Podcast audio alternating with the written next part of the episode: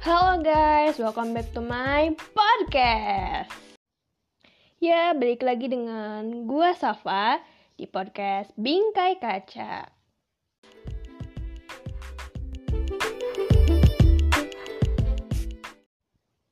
Oke, seperti biasa, gue akan menanyakan apakah kamu sudah bercermin hari ini? Kalau belum, bercermin dulu yuk.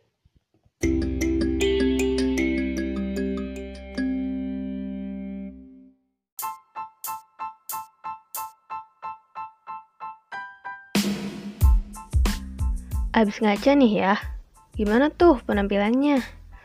Apakah bersemangat karena menantikan aktivitas yang menyenangkan yang udah kalian tunggu-tunggu?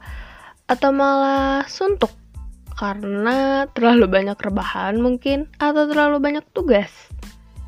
Gak kerasa ya, udah kurang lebih 5 bulan lah ya kita di rumah terus karena adanya COVID-19 ini kayaknya sekarang kalian bisa punya waktu banyak deh buat sekedar buat bercermin doang.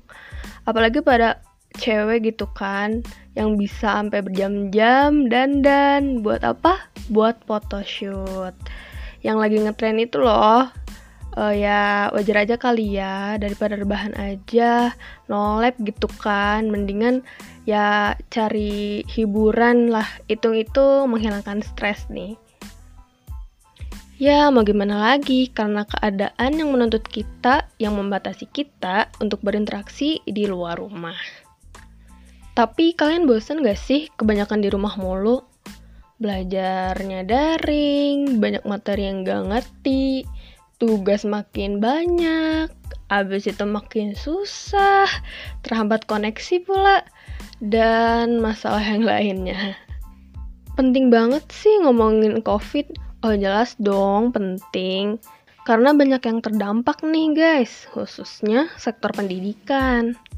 Nah, jadi semenjak bulan Maret, pemerintah memutuskan agar proses belajar mengajar itu dilakukan secara daring atau pendidikan jarak jauh PJJ. PJJ ya, bukan Pajojet. PJJ. Terbeda artinya. Nah, sebelumnya yang belum tahu nih, PJJ itu apa sih? Ya, itu tadi pendidikan jarak jauh. Nah, bukan begitu, guys. Ada eh, pemaparan lebih lanjut.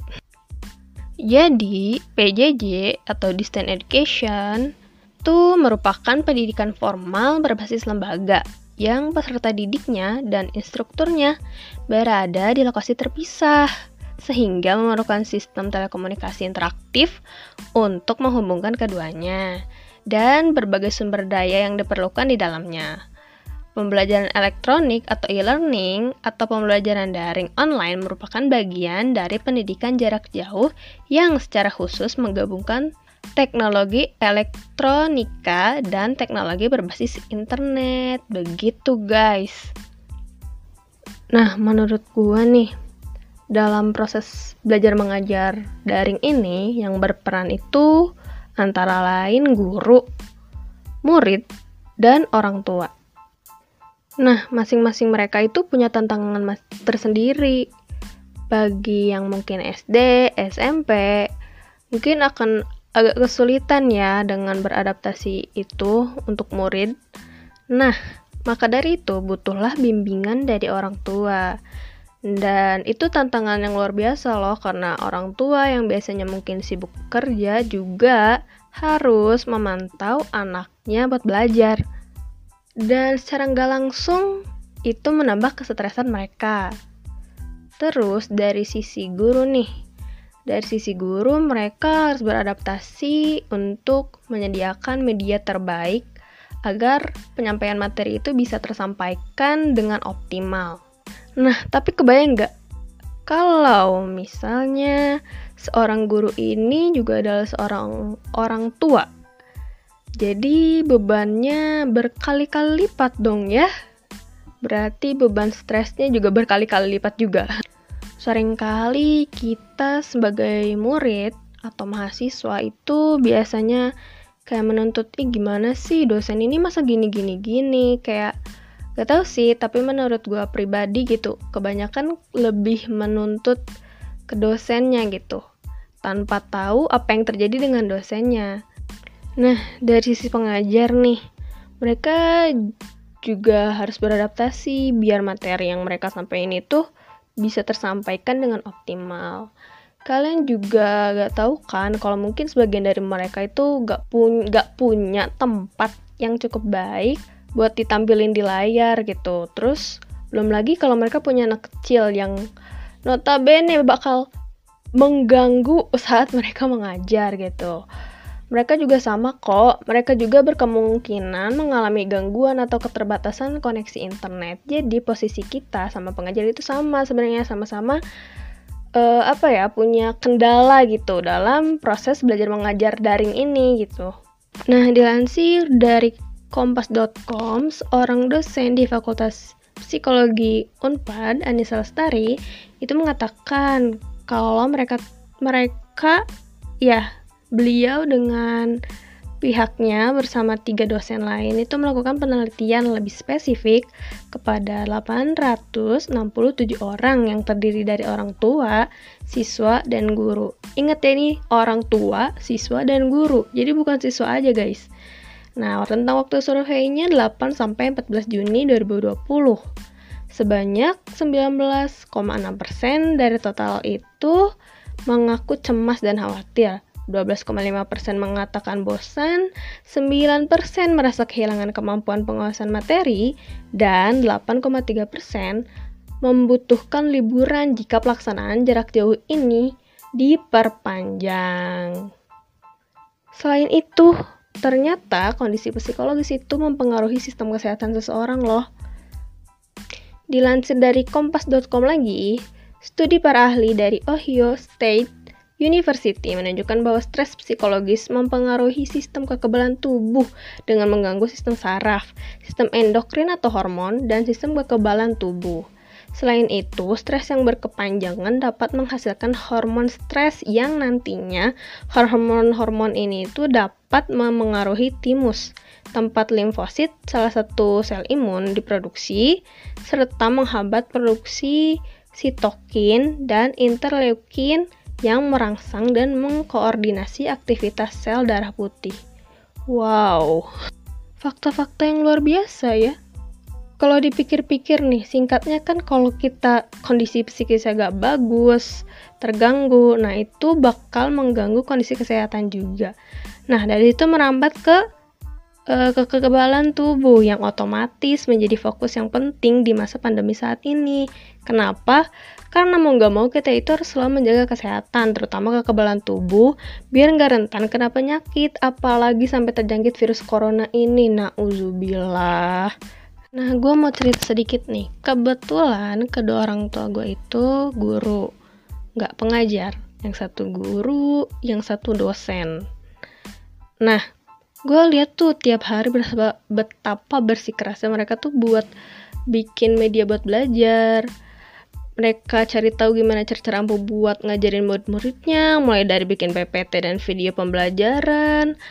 Terus juga gue lihat tuh mereka sampai tengah malam ngerjainnya atau mungkin bangun jam 3 pagi ngebela-belain biar apa?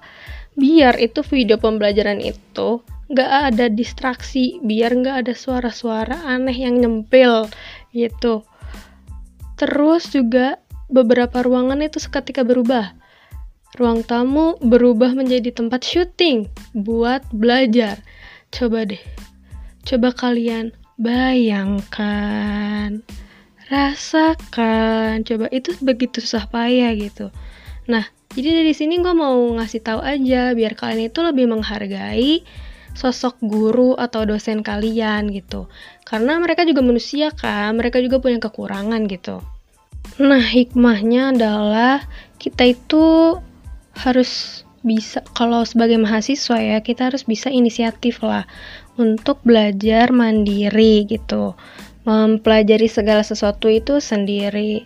Terus kalau emang gak ngerti tuh bilang gak ngerti gitu. Kalau ada dosen yang nanya e, ngerti nggak, coba dijawab ngerti jujur aja nggak ngerti atau ngerti gitu. Karena ketika kalian nggak jawab mereka e, mengira kalau kalian paham. Karena mereka itu bukan peramal mereka bukan cenayang guys yang bisa nebak-nebak. Kalian itu oh kayaknya udah paham gitu. Ya tapi ya mereka nggak tahu kan kalau kalian sebenarnya belum paham. Oleh sebab itu karena gue juga pernah denger nih dari orang tua gue sendiri Wah kalau gini gimana taunya kalau si anak udah ngerti atau belum? Akhirnya mereka berpikir adalah ya udah kasih tugas aja biar tahu mereka tuh ngerti atau enggak lah dari situlah. Makanya uh, kenapa jadi malah tambah banyak tugasnya gitu? Karena mereka nggak tahu kalian tuh paham atau enggak. Apalagi kan kalau misalnya daring terus kalian nggak on cam gitu. Ya mereka nggak tahu gitu kalian tuh sebenarnya dengerin atau enggak. Apalagi kalian nggak merespon. Gitu gimana mereka tahu kalau kalian itu ngedengerin atau enggak? Jadi menurut gua dalam hal ini tuh yang diresahkan itu nggak cuma murid ya tapi juga guru atau pengajar juga orang tua siswa. Sisi baiknya adalah kita jadi beradaptasi tentang teknologi. Walaupun ini sebenarnya mungkin udah nggak begitu asing ya. Nah, tapi dengan belajar daring ini juga kita juga jadi lebih fleksibel kan, karena mungkin kita jadinya nggak harus siap-siap pakai baju rapi dulu, nggak harus yang mandi dulu, nggak harus yang gimana-gimana dulu gitu buat ngerjain tugas, buat buat belajar gitu. Ada yang mungkin gak mandi itu langsung belajar ya lebih fleksibel lah lebih santai. Gak enaknya apa? Banyak distraksi entah itu dari pengajar itu dari kita sendiri. Ada yang mungkin jadi tambah mager gitu. Nah, itu pembelajaran. Biar apa? Biar kita punya kesadaran sendiri betapa pentingnya belajar itu. Nah, jadi di sini aku mau menekankan ya sama aja gitu. Yang diresahkan itu kembali lagi gak cuma murid guru juga gitu. Jadi kalian jangan asal uh, gimana ya uh, ngasih bilang ah bapak ini gini gini gini pak gini. Jadi kalian apa ya kan kita bebas beropini nih gitu bebas mengutarakan pendapat tapi kita juga harus tahu posisinya harus tahu adabnya gitu. Jangan sampai kita berlebihan karena kita juga nggak tahu kan kondisi si guru ini atau dosen ini tuh bagaimana gitu. Jadi kita bebas mengutarakan pendapat, tapi juga harus tahu adabnya, harus tahu batasan-batasannya, harus tahu tata cara yang lebih baik itu bagaimana. Dan ketika kita mengkritisi, harap memberikan solusi yang baik gitu. Ya, jadi semoga ke depannya kita sebagai orang yang cukup dewasa, yang udah besar lah, apalagi sebagai mahasiswa gitu. Nah, biar kita itu bisa lebih bijak lah ke depannya.